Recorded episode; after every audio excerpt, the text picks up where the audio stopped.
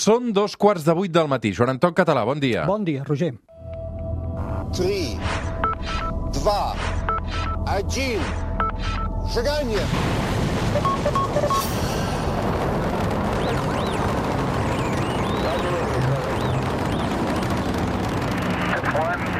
Step for man,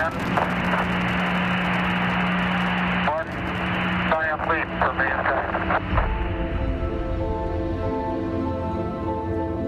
Joan Anton Català, com estàs? Molt bé, Roger, molt bé. Això és la Terra es plana, un any més, 2024, al peu del canó, eh, amb el Joan Anton Català, ciència, astronomia, física, una mica de tot mirant cap al cel. Eh, I Joan Anton, mm, a veure, aquesta setmana hem viscut un d'aquells moments en què l'astronomia sembla més ciència-ficció que no pas realitat. Uh -huh. Perquè dilluns, dia 8 de gener, es va enlairar cap a la Lluna una missió que havia de ser la primera missió privada a aterrar-hi, fins aquí tot bé, però és que aquesta nau contenia, entre altres coses, restes humanes. Sí, I això, evidentment, ha revifat la discussió sobre la regulació a l'espai, sobre allò que anomenem geopolítica de l'espai, com era exactament aquesta missió, per què ha sortit tot plegat malament. Avui ho descobrim a la Terra es plana.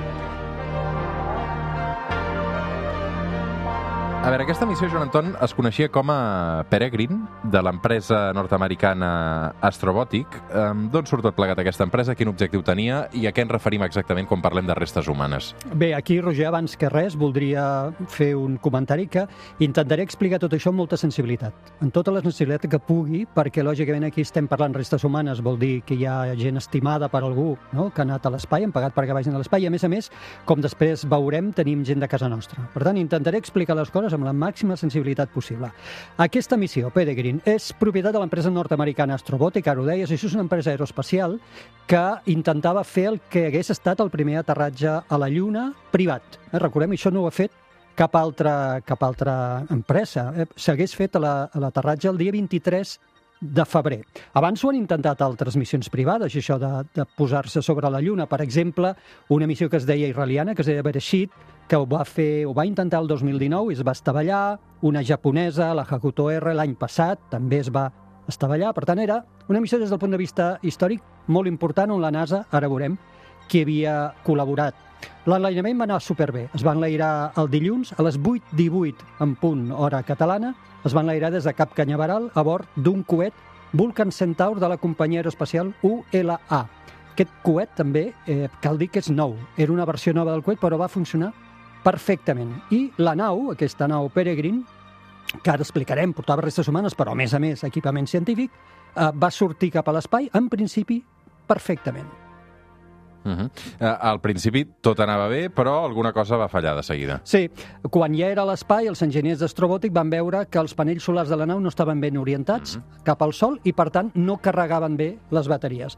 Uh, van treballar moltíssima estona i van poder resoldre el tema, però la sospita era que hi devia haver algun altre problema més greu, que havia provocat que els panells solars no estessin uh, ben orientats.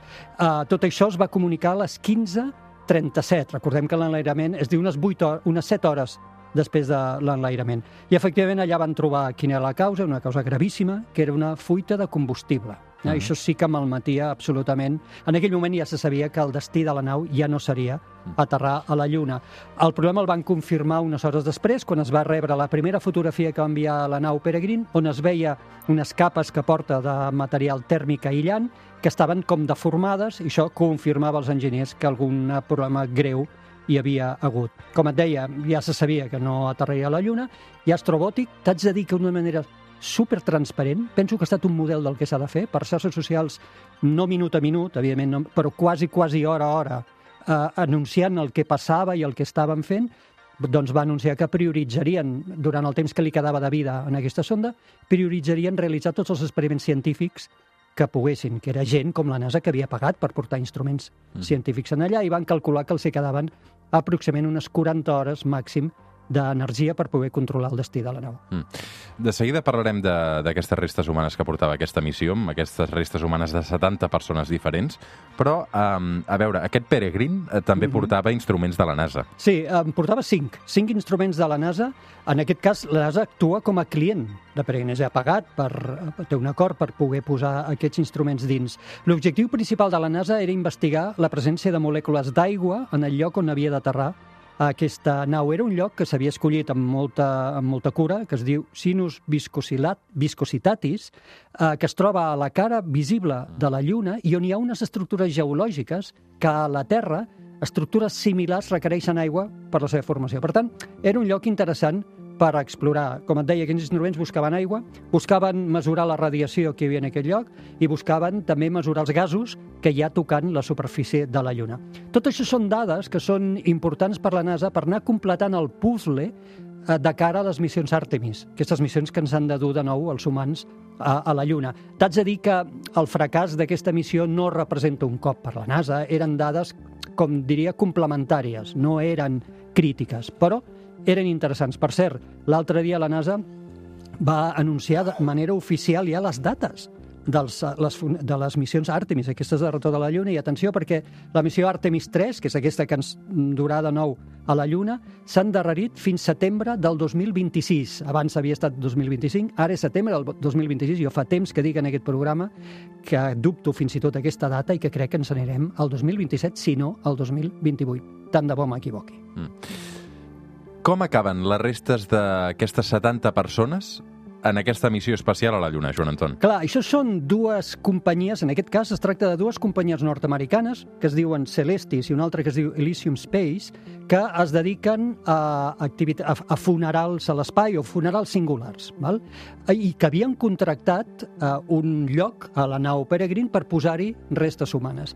Ara ho comentarem. De fet, eh, la primera de les companyies Celestis té un web on es poden consultar totes les persones, les 70 persones aproximadament, que, que van, les restes de les quals són restes que bàsicament són cendres i també mostres d'ADN, incloent mostres d'ADN d'alguna persona viva. Doncs tot això en aquesta nau. Això, Celestis, com et, diu, com et dic, té un web on es pot consultar tota aquesta informació. L'altra companyia, Elysium Space, que jo sàpiga, no ha fet públic um, què, què hi va, no? o de quines persones són. Perquè ens fem una idea de quines persones, o les restes de quines persones hi van. Per exemple, s'hi troben restes del famosíssim escriptor britànic de ciència-ficció, Arthur C. Clarke, l'autor de 2001, una odissea a l'espai. També les de Eugene Roddenberry, que és el creador de la saga Star Trek, i, la seva dona també. I també les d'un noi català, que es diu Oriol Fernández, que hem pogut eh, conèixer aquests dies també per mitjans aquí a Catalunya, doncs també les restes d'aquest noi, un estudiant de física, eh, anaven en aquesta nau. Com et dic, tot això es pot consultar al web de Celestis, que és el que ho ha fet el que dona les dades públiques i també elles poden veure els preus. Eh? Perquè et facis una idea, doncs, a l'enviar les cendres d'un ésser estimat a l'espai, segons el web, costa 2.700 euros. Si es volen fer arribar a l'òrbita terrestre, és a partir dels 4.600 euros, i si es volen fer arribar a la Lluna, que aquest era l'objectiu, és a partir de 12.000 euros aproximadament. De fet, aquesta mateixa setmana, a TV3, al Tot es mou, la Lena García Melero entrevistava la Genoveva Mossul, la mare de l'Oriol, aquest jove que va morir de càncer amb 22 anys i les restes del qual viatjaven en aquesta nau. Deia això. Quan ja no es va poder fer res i va marxar, vaig pensar, ostres, com puc fer? Com puc fer perquè el seu somni de vida, d'alguna manera, es compleixi? I, Helena, no sé com, no sé com, vaig buscar per internet i vaig trobar aquesta empresa, empresa Celestis. Vaig preguntar a un amic meu que té un amic que treballava a la NASA, dic, pregunta-li si això és de debò. I em va dir, sí, sí, m'ha dit que és veritat, que és veritat, que això no és cap cosa estranya. I l'any 2015 vam contractar el servei i hem hagut d'esperar doncs, de, tots aquests anys perquè això de fer un coet, Helena, es veu que és, és molt complicat realment, Complicat, no? segur, segur, i tant.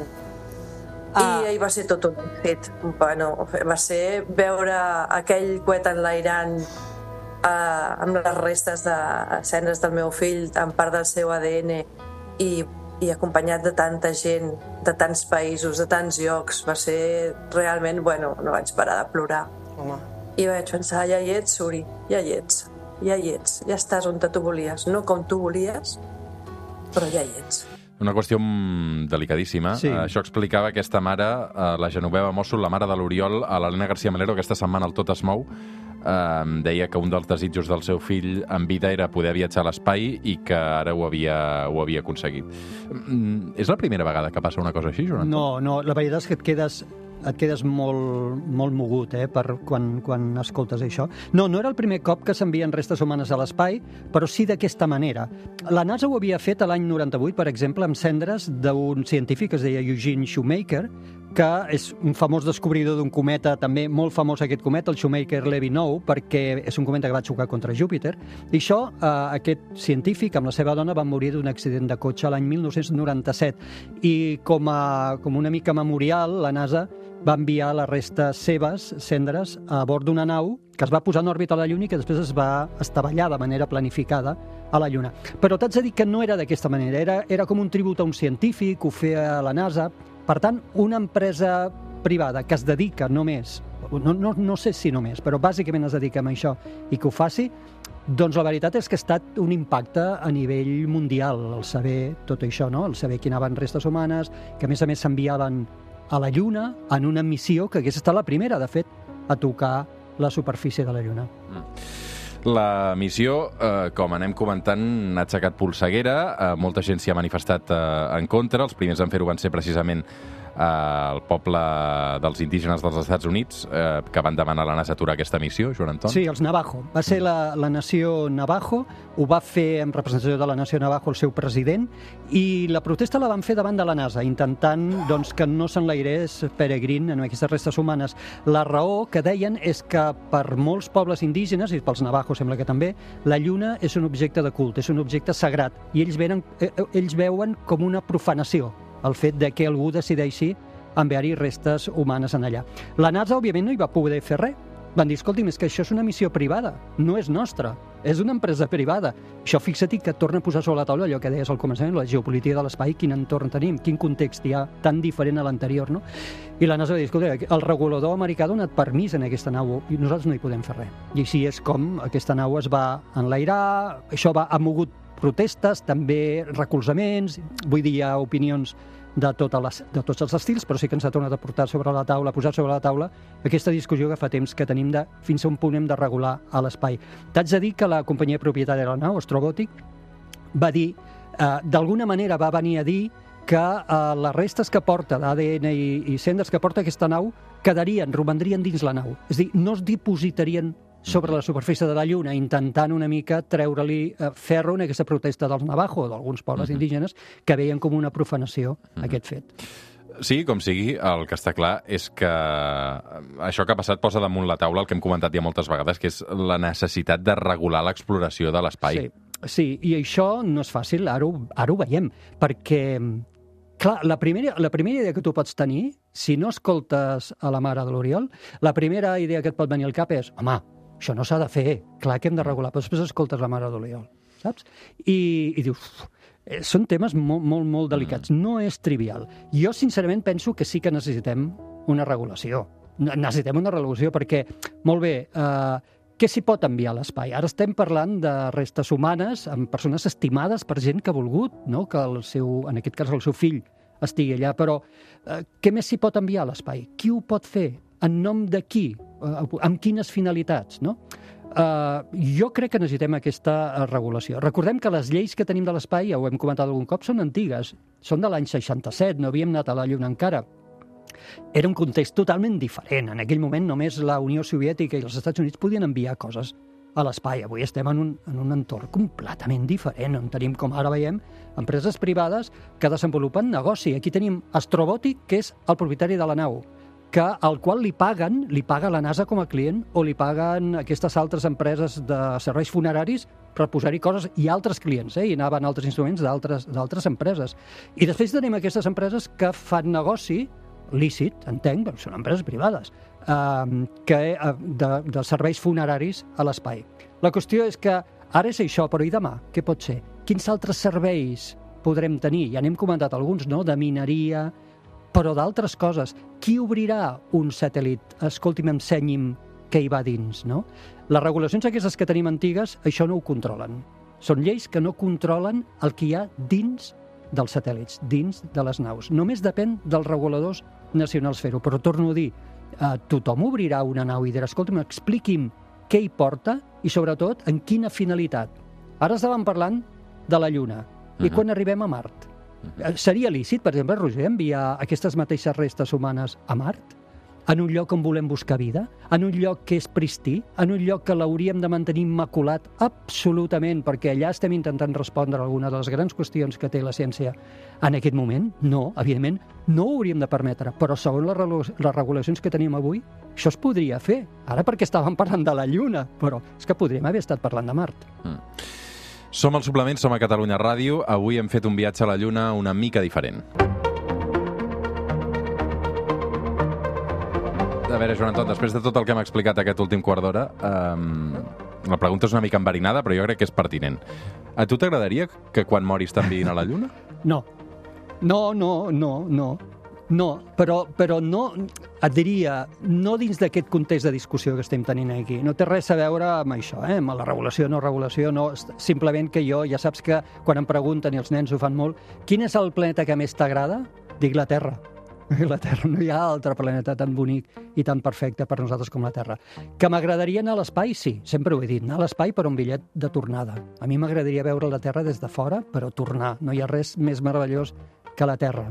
Per tant, els meus familiars ja saben què fer amb mi. Joan Anton Català, uh, moltes, moltes gràcies. Ens esperen molts capítols també aquests uh, 2024 de cara a la Terra es plana, al suplement. Gràcies una abraçada. Fins d'aquí una estona. Fem una Igualment. pausa i ara tornem.